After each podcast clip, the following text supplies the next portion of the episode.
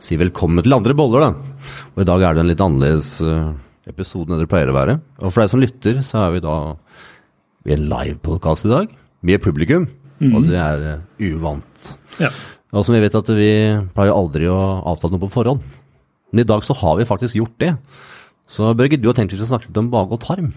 ja. Fordøyelse og mage og tarm. Eh, Det er jo et tema som interesserer veldig mange, rett og slett fordi mange i dag sliter med fordøyelse. At vi har vanskeligheter med fordøyelse. Så, så det er jo et veldig bredt tema. Eh, Så vi, vi tenkte vi skulle eh, si, starte med liksom prosessen fra du setter deg ned og spiser, og velger hva du skal spise, og hvordan det her påvirker kroppen, og hva som spiller inn. Så eh, jeg tenker i, i første omgang, fra du tar den første matbiten, så er det jo litt eh, uheldig da, hvordan våre spisevaner har forandra seg. Eh, I dag så er det gjerne å hive i seg en eh, smoothie eller shake eller pølse på Narvesen på vei ut døra eller ut i rushtrafikken. Der vi stresser oss av gårde til ulike skole, jobb og alle mulige forpliktelser. Eh, og, og liksom tar oss ikke lenger tid til å sette oss ned og nyte maten. Uh, og, og da mener jeg den, den mentale faktoren, mentale aspektet ved det her, er ekstremt viktig. Uh, at, at vi er såpass stressorientert i dag at uh, maten i seg sjøl er ikke nødvendigvis problemet, men det er forholdet vi har til mat, til oss sjøl og omgivelsene rundt oss. Eh, og det her vet jo at begge de her to personene har mye å, å si litt om, så spinn videre. Ja, nei, altså Det er jo det som ofte er uh, utfordringen. Er altså, mange mennesker er veldig opptatt av hva slags diett de skal spise. Uh, er det game changers og vegetabilsk mat, eller er det keto-diett med masse fett og protein? Men, men noe som er vel så viktig, er akkurat det temaet som Børge snakker om nå. Og det er når er du spiser, og hvordan er det du spiser. Så jeg tør nesten faktisk å si at du kan spise en litt dårligere diett i utgangspunktet, men hvis du spiser den riktig, hvis du setter den ned, du hviler både før og under maten, så du klarer å fordøye alt sammen, tygger maten godt, ikke f.eks. drikker altfor mye vann med maten, så ikke du tynner ut magesyra, så ikke du har altfor mye mentalt eller emosjonelt stress mens en spiser, eller rett etterpå, så kan det være vel så, vel så viktig som faktisk hva slags mat du spiser. At man går og liksom tenker at ja, nå skal jeg gå ned i vekt, nå skal jeg gå på diett, nå skal jeg være flink. Så kommer man og spiser veldig lite, og så får ikke kroppen den næringa den trenger for å faktisk fordøye sin egen næring. Uh, og på den andre sida at man overspiser. At man kanskje òg skal ta igjen da, at man har underspist. Så overspiser man. Og så får du sånne store svingninger i det her. Så, så kroppen er egentlig ganske stor fan av regelmessighet i, i bunn og grunn. da. Eh, Selv om vi evolusjonært sett har tolerert å spise veldig sporadisk, periodevis veldig lite, periodevis veldig mye. Og selvfølgelig da mange prøver å emulere det her ved å følge ulike sånn spisemønstre som der regelen liksom er at du skal spise veldig mye veldig sjelden, eh, så, så vil det nok for folk flest by på en utfordring, siden vi i det moderne samfunnet har en helt annen Tilbake til stress, da. Altså Vår, vår stressreaksjon er ikke sånn fight or flight og så hvile. Den er gjerne kronisk høyt stress.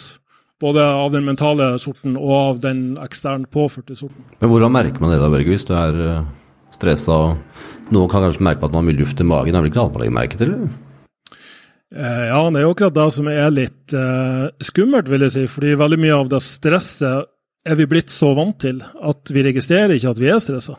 Før vi faktisk får de ulike metabolske problemene og fordøyelsesproblemene som mange lider av.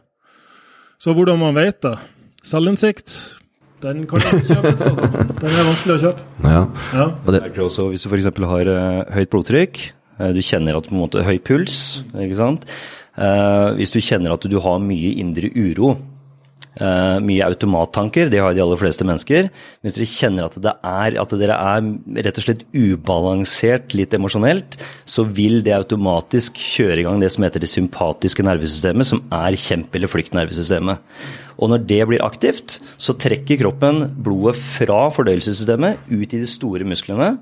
Så igjen, hvis dere kjenner at dere har mye rasende tanker. altså Da mener jeg ikke at dere er sinte, men at dere har mye tanker. Vanskelig for å stoppe rett og slett sinnet deres. Um, som sagt, hvis dere kjenner at dere går rundt med høy puls, høye skuldre. Uh, hvis dere er tørre i munnen, ofte. Det kan selvfølgelig være at dere bare ikke drikker nok vann, men ofte kan det også ha noe med aktivering av det sympatiske nervesystemet. Og det sympatiske nervesystemet det er som sagt da kjemp- eller flykt-nervesystemet. Og vi må nødt til å ha det aktivt men det er nedbrytende. Så hvis vi, som Børge sier, hvis vi er kronisk i det sympatiske nervesystemet, at vi er kjemp eller flykt hele tida, så tror kroppen det at det er fare på ferde hele tida. Så vi klarer ikke å fordøye mat. Og som sagt um, Gal pust, f.eks. Hvis, hvis dere puster mye med brystet, det er en typisk Det kan være da at dere uh, er i kjemp eller flykt, istedenfor å da puste rolig med magen, som da aktiverer det motsatte nervesystemet, som heter det parasympatiske, som da er hvile- og fordøyelsessystemet i kroppen. Så et triks der er da som sagt å puste med magen for å roe ned, så vil det også øke fordøyelsen. Ja, og det er jo helt riktig som du sier, at det er jo stress av ulik karakter. Det trenger ikke være at du skal bekjempe en sabeltanntiger i jungelen, liksom. Men det kan like gjerne være at du har en krangel med partneren din eh, skal få barna i barnehagen. Eh, krangel på kontoret, ikke minst. men også det her med forholdet du har til mat. Jeg har jo kurert mange matintoleranser ved å lære folk at mat ikke er farlig. Og det, Den sitter faktisk veldig langt inne hos folk. Nettopp fordi i dag så blir vi jo bombardert med informasjon om mat eh, som får merkelappen sunn eller usunn, avhengig av hvilken kontekst det er snakk om, og farlig eller trygg, da, avhengig av hvem du spør og hvem som serverer informasjon. Så, så for i bunn og grunn så er det ingen mat, i hvert fall ikke den som er beregna for menneskelig konsum, som i seg sjøl kan være farlig. Det handler alltid om dose og mengde, og hvilken person, selvfølgelig. Men, men det at mange går rundt og omtrent anser maten som enten straff- eller belønningsorientert, eller noe som du skal regulere vekt med, eller suksess med, eller det estetiske med. Det kan ofte føre til så store problemer at man får en fordøyelsesmessig negativ reaksjon ved at du tror og tenker og føler at denne maten vil gi deg. da.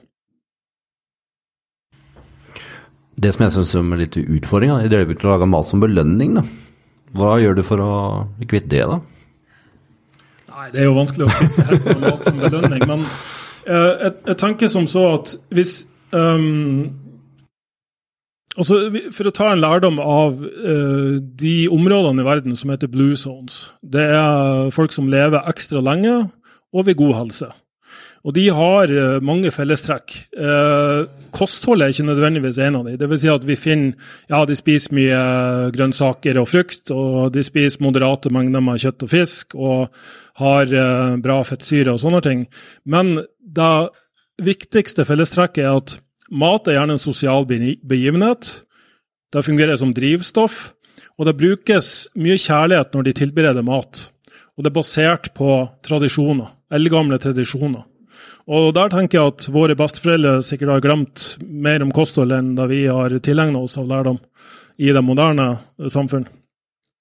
Men, men, generelt sett så er mat noe man koser seg med på den måten at det er ikke nødvendigvis maten som er hovedfokuset, men det er liksom folket vi tilbringer maten sammen med. Det er sosiale aspektet. Hva tenker du om det, Stian? Akkurat der må jeg bare si meg enig med Børge. Ja. Du sa nå i stad før vi starta om at uh, kanskje vi skal gå inn på det med å optimalisere også. Hva tenker du med fordøyelse og optimalisering, foruten stress? da? Men på hvilken andre måte kan man gjøre det?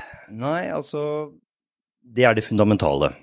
Eh, som sagt, pass på at dere hviler godt før, under og etter dere spiser. Det er, det, det er så elementært Men det er så utrolig, utrolig viktig. Ja, det er, det er, det er veldig vanskelig for de aller fleste. Eh, en annen ting som jeg også vil nevne med hensyn til det med stress, det er f.eks. Hvis dere har hørt flere av episodene, så kommer jeg stadig vekk tilbake til det her med det parasympatiske og de sympatiske nervesystemet. Men det er fordi det er et av de viktigste biologiske systemene vi har i kroppen, eh, og det må være på plass. Så f.eks. hvis dere drikker kaffe da, rett før dere spiser mat, så er det mange som får en følelse av at det øker fordøyelsen, men egentlig så slår det da av fordøyelsen. For det stimulerer også da det sympatiske nervesystemet, kjempe- eller flyktnervesystemet. Så igjen da trekkes blodet vekk fra fordøyelsessystemet, ut i den store muskulaturen. Og dere, får, ikke, dere får da ikke fordøyd maten.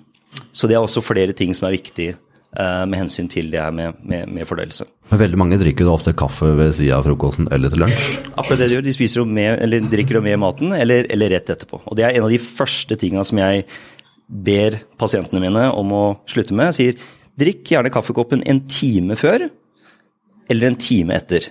Men helst ikke rett før, under eller etter mat. Og der er det mange som merker enorm forskjell bare ved å roe ned akkurat den biten der.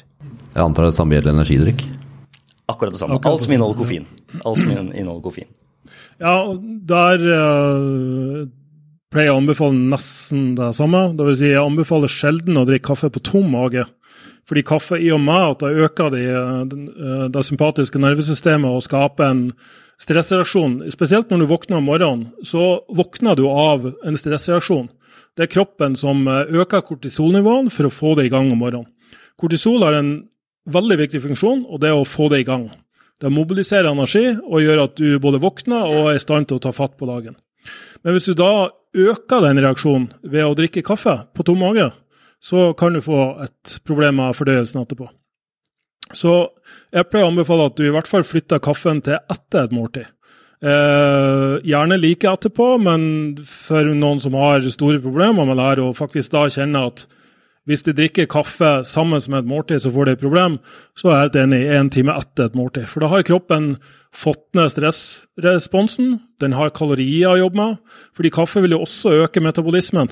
Og en høy metabolisme er veldig essensielt for at kroppen skal være i stand til å reparere seg sjøl og ha en god fordøyelse. Så, så, de systemene henger sammen.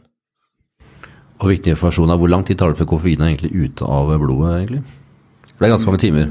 Det har halveringstid på seks timer. Ehm, så det er klart at hvis du da drikker f.eks. 200 mg, som er i en god kopp, klokka seks på kvelden, så har du da 100 mg igjen klokka tolv på kvelden. Så, og det her blir ikke helt for, fordøyelse, men, men, ehm, men, for dere som også sover litt dårlig, bare sånn for å nevne veldig kjapt om det Det med å drikke kaffe rundt kanskje fem-seks på kvelden er ofte altfor seint for veldig mange. Det er mange som har gjort det hele livet.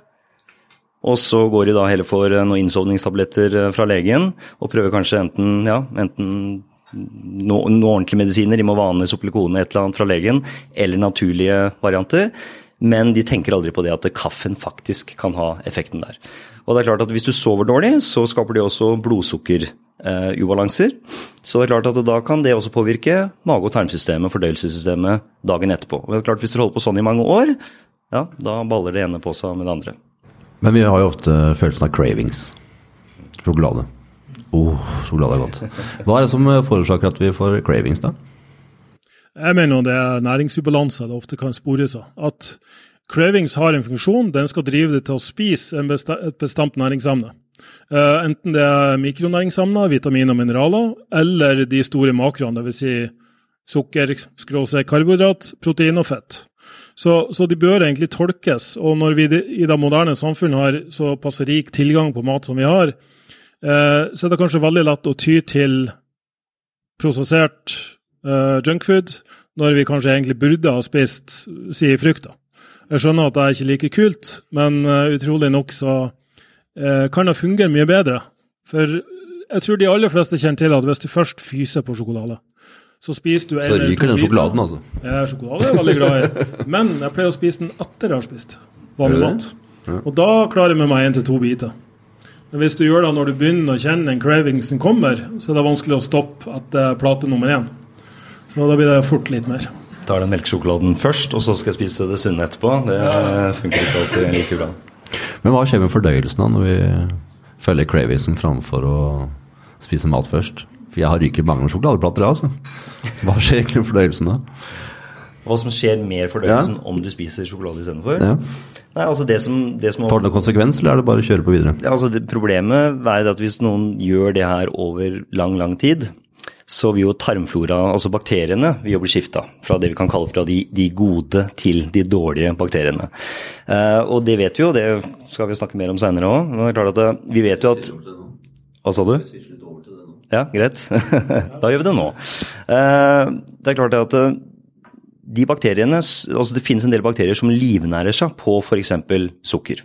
Ikke sant? Og det er klart, Hvis du gjør det her fem av syv dager i uka, kanskje 10-15-20 år etter hverandre, så vil den tarmflorabakterien eh, vil det bli enormt mange flere av enn de gode bakteriene, som f.eks.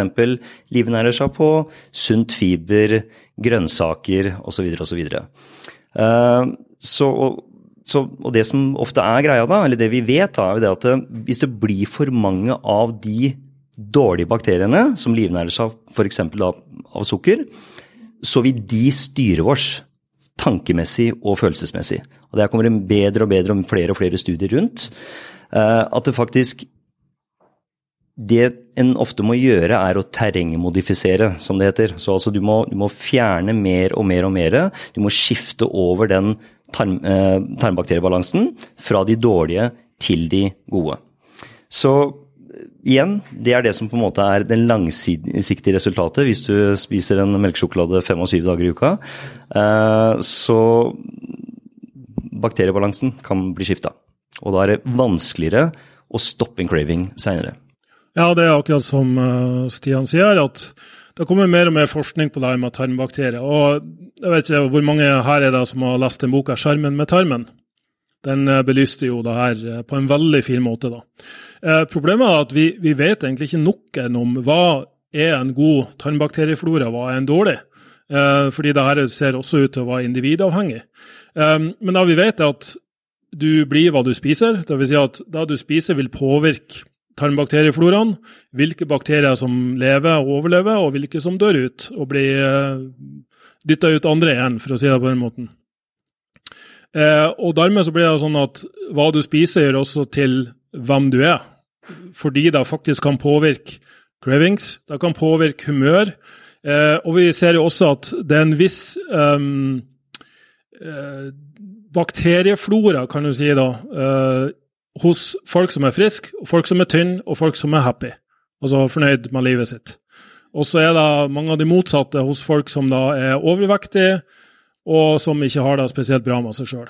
Så er det gjort forsøk der de har flytta bakterier fra sunne, friske folk over til syke folk, og sett at oi, her de både gikk ned i vekt og følte seg mye bedre. Men det holdt seg ikke over tid. Så det var veldig spennende når denne forskninga kom.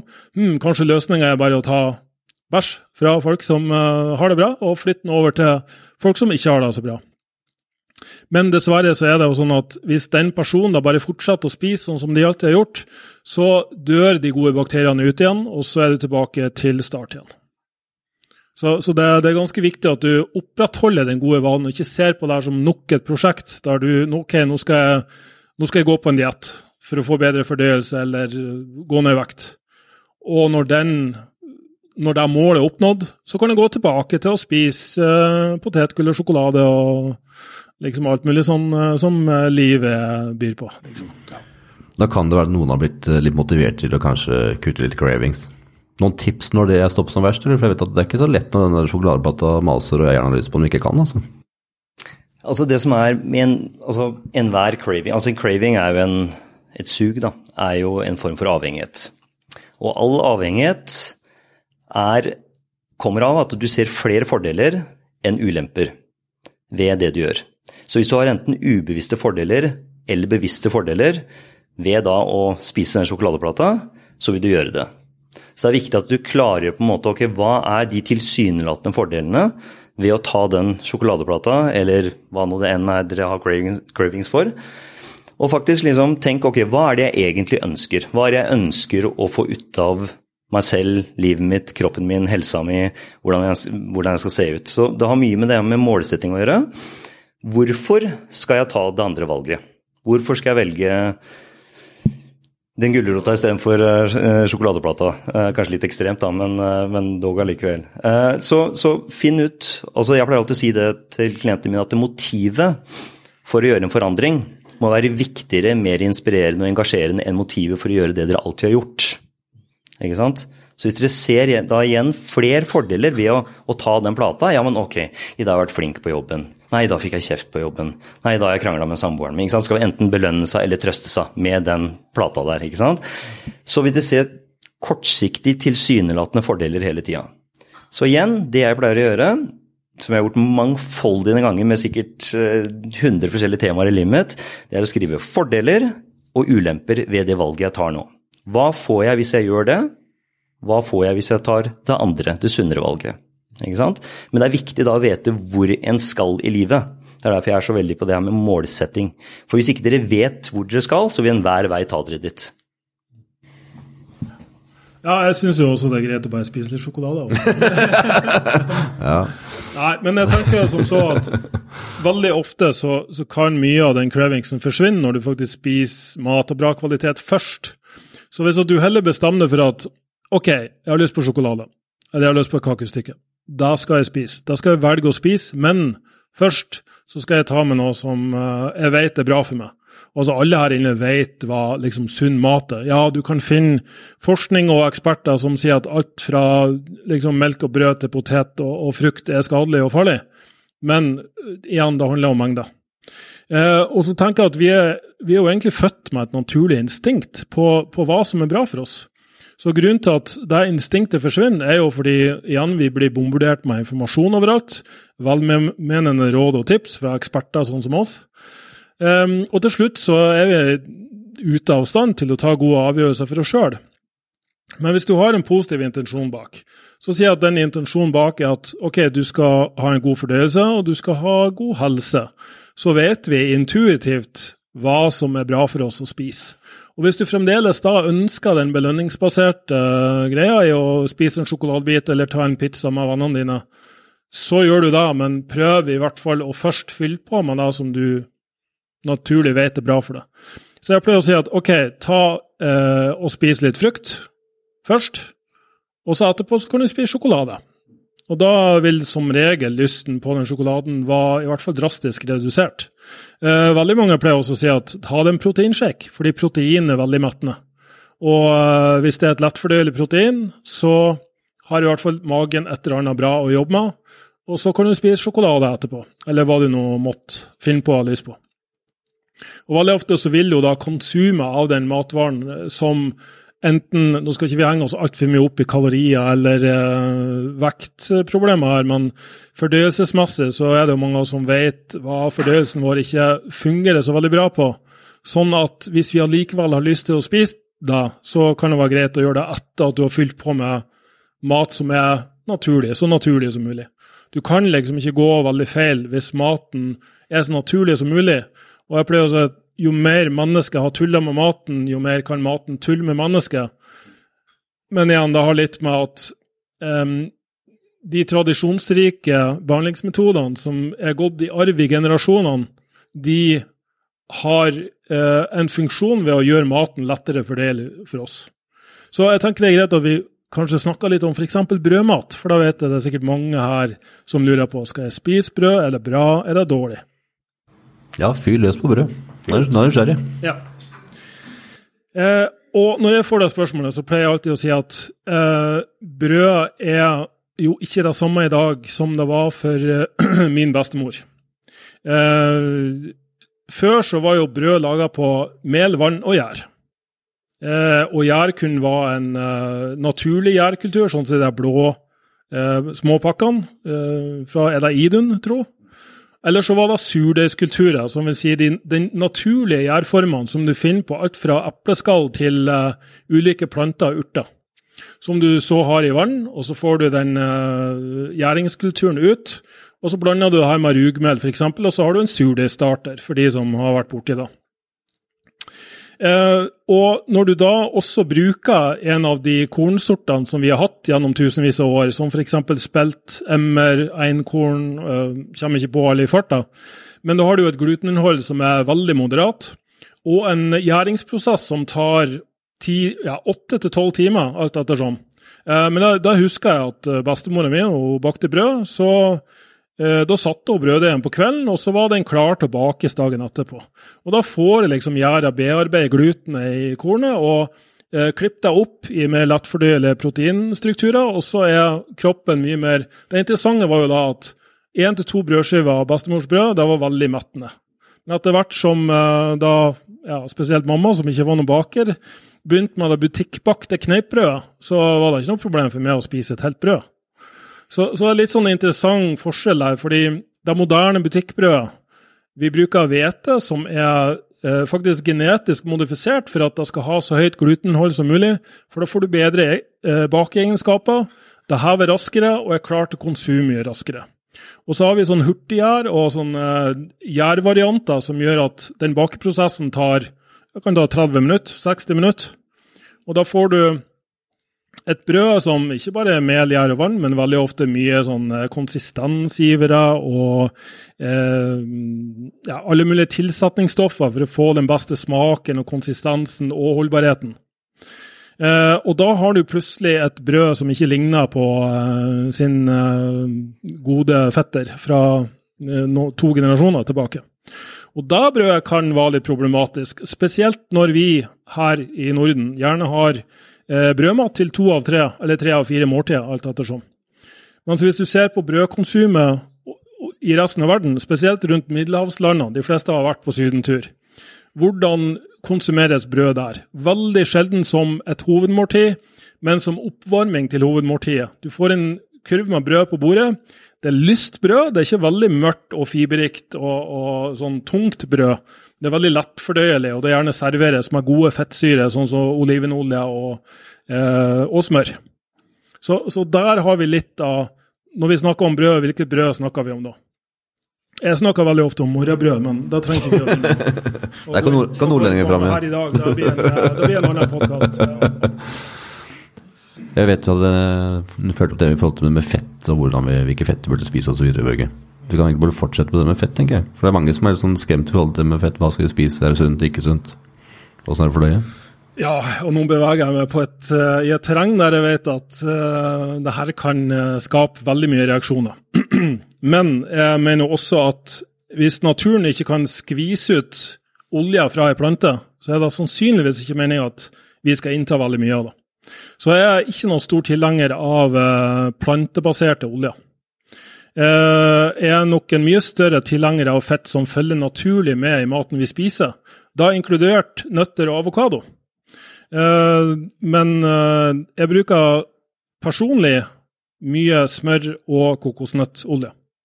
Der spesielt de to fettypene, kokosnøttolje kanskje i enda større grad, har enkelte fettsyrer som er antimikrobielle. Dvs. Si at de kan bekjempe virus og bakterier, inkludert de dårlige tarmbakteriene. Eh, det kan du også gjøre. Du kan blande det med honninga. Honning er jo eh, et eh, naturlig sukker så, som er, altså har mange forskjellige sukkerarter. Og, og, også kan ha en antimikrobiell effekt. Så, så da er liksom min filosofi.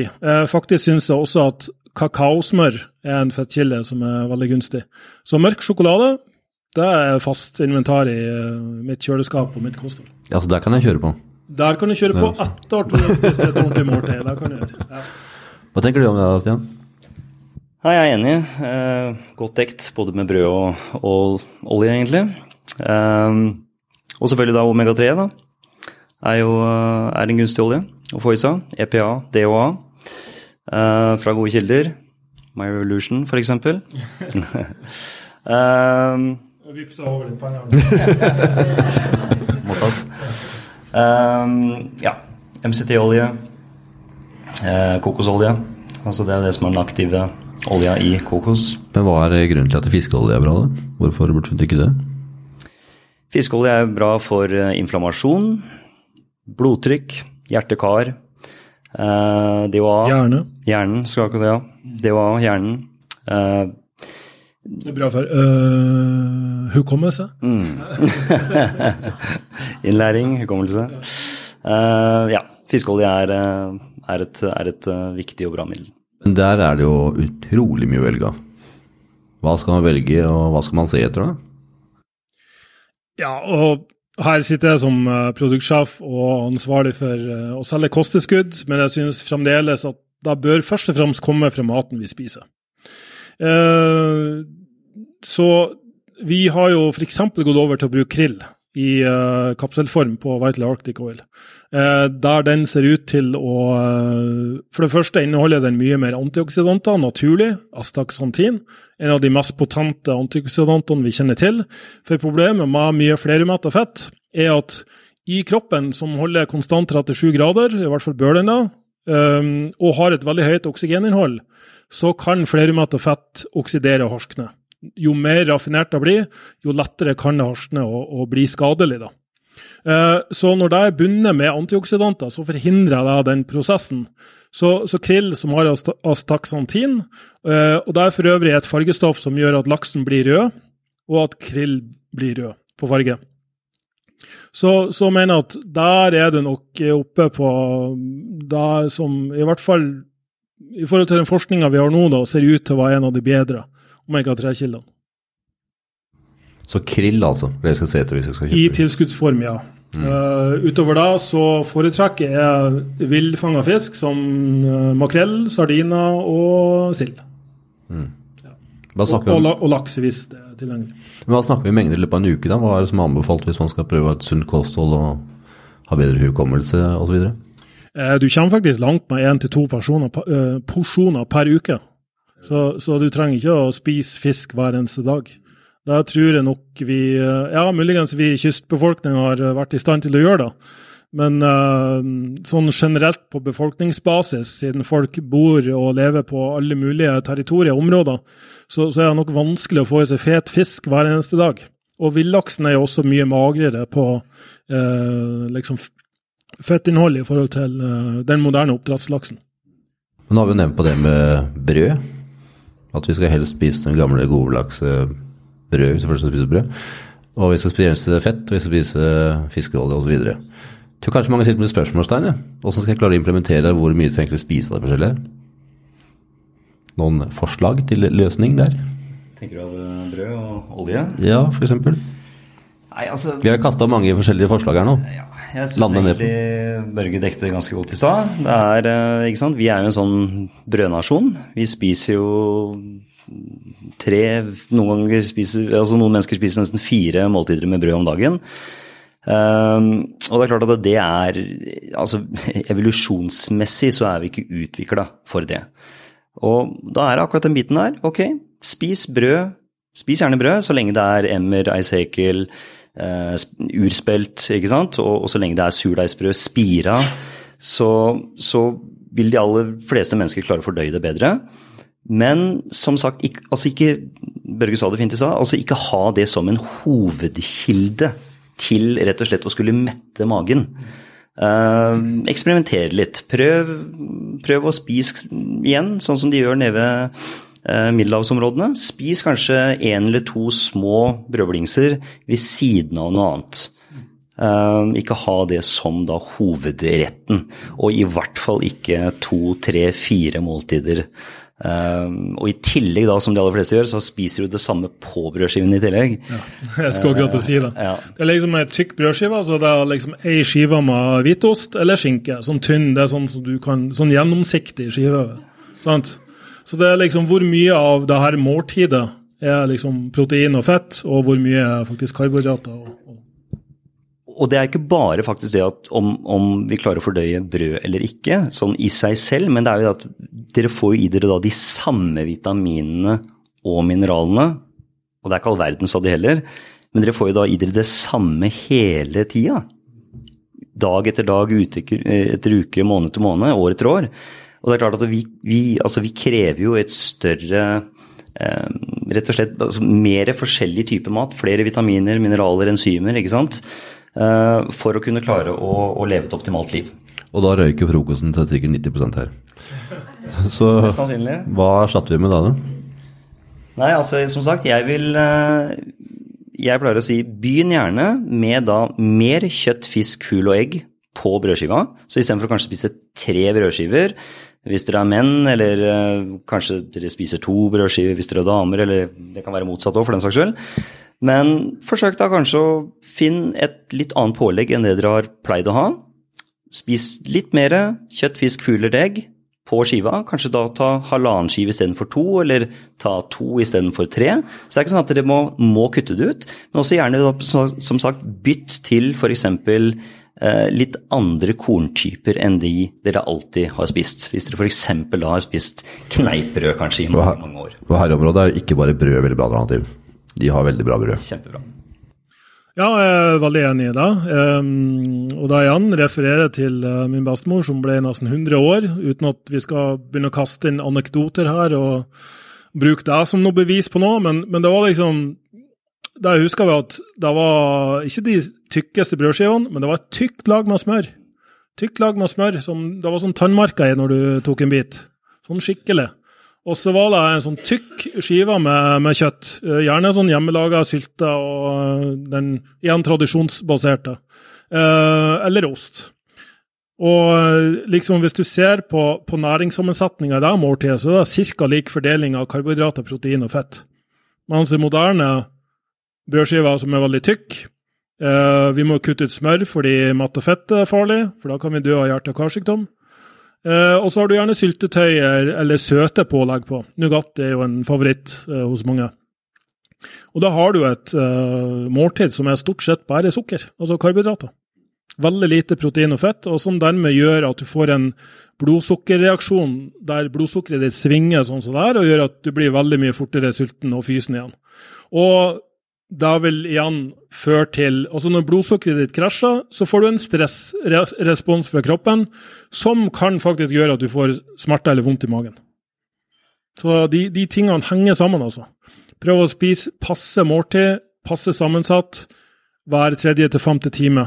Sånn at det ikke blir sånn voldsomme svingninger der i hvor mye man spiser, og at det kanskje går veldig lenge mellom to måltider, og så kommer de resterende måltidene veldig tett sammen. Da, da kan det bli litt mye for magen å jobbe med på en gang.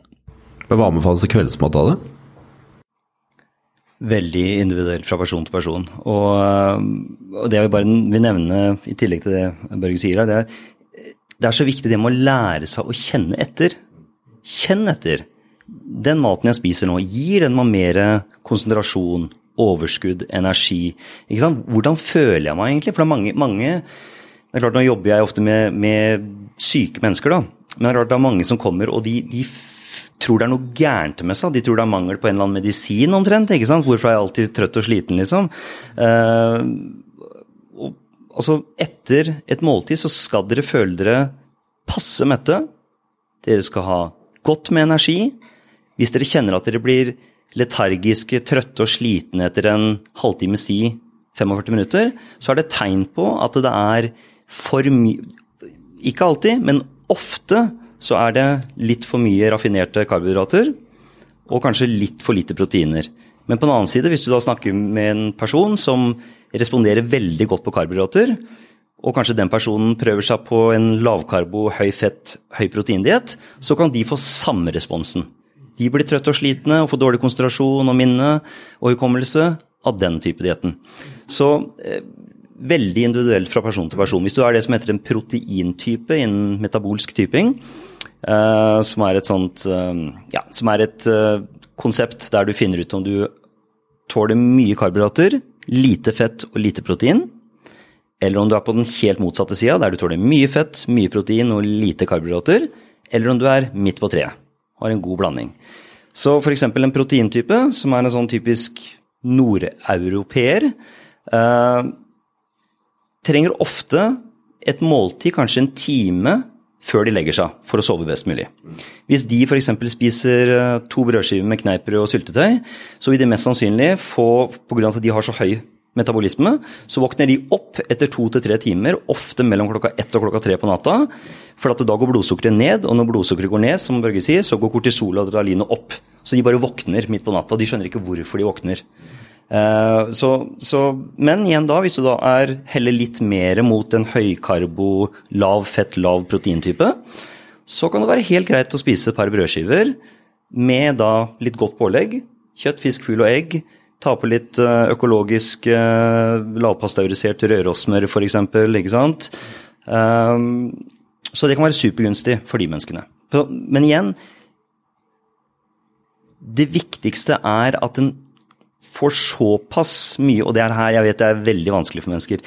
For han skulle til å si at dere får såpass mye ro i livet deres at dere lærer å kjenne etter hva slags mat som fungerer best. Men, men Stian har ikke barn ennå, skjønner du. Tid til å gjøre alle sånne ennå.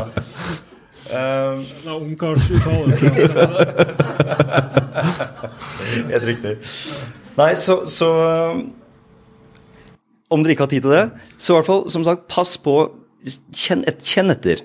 Den maten her. Trenger jeg på en måte en kaffekopp? Trenger jeg en lur etterpå? Eller, eller, kjenner jeg at vet du hva, nå har jeg faktisk mer overskudd, nå har jeg mer energi. Fordi hvis dere har det, da vet dere, da er dere inn på rette veien. Da begynner du å nærme dere. Ja, og faktisk uh, fyll på med den der at uh, hvis du kjenner at du er oppblåst og litt dårlig i magen, så trenger det ikke være det du spiste nettopp. Fordi den fordøyelsesprosessen tar mange timer. Mat kan bruke 12-24 timer gjennom systemet.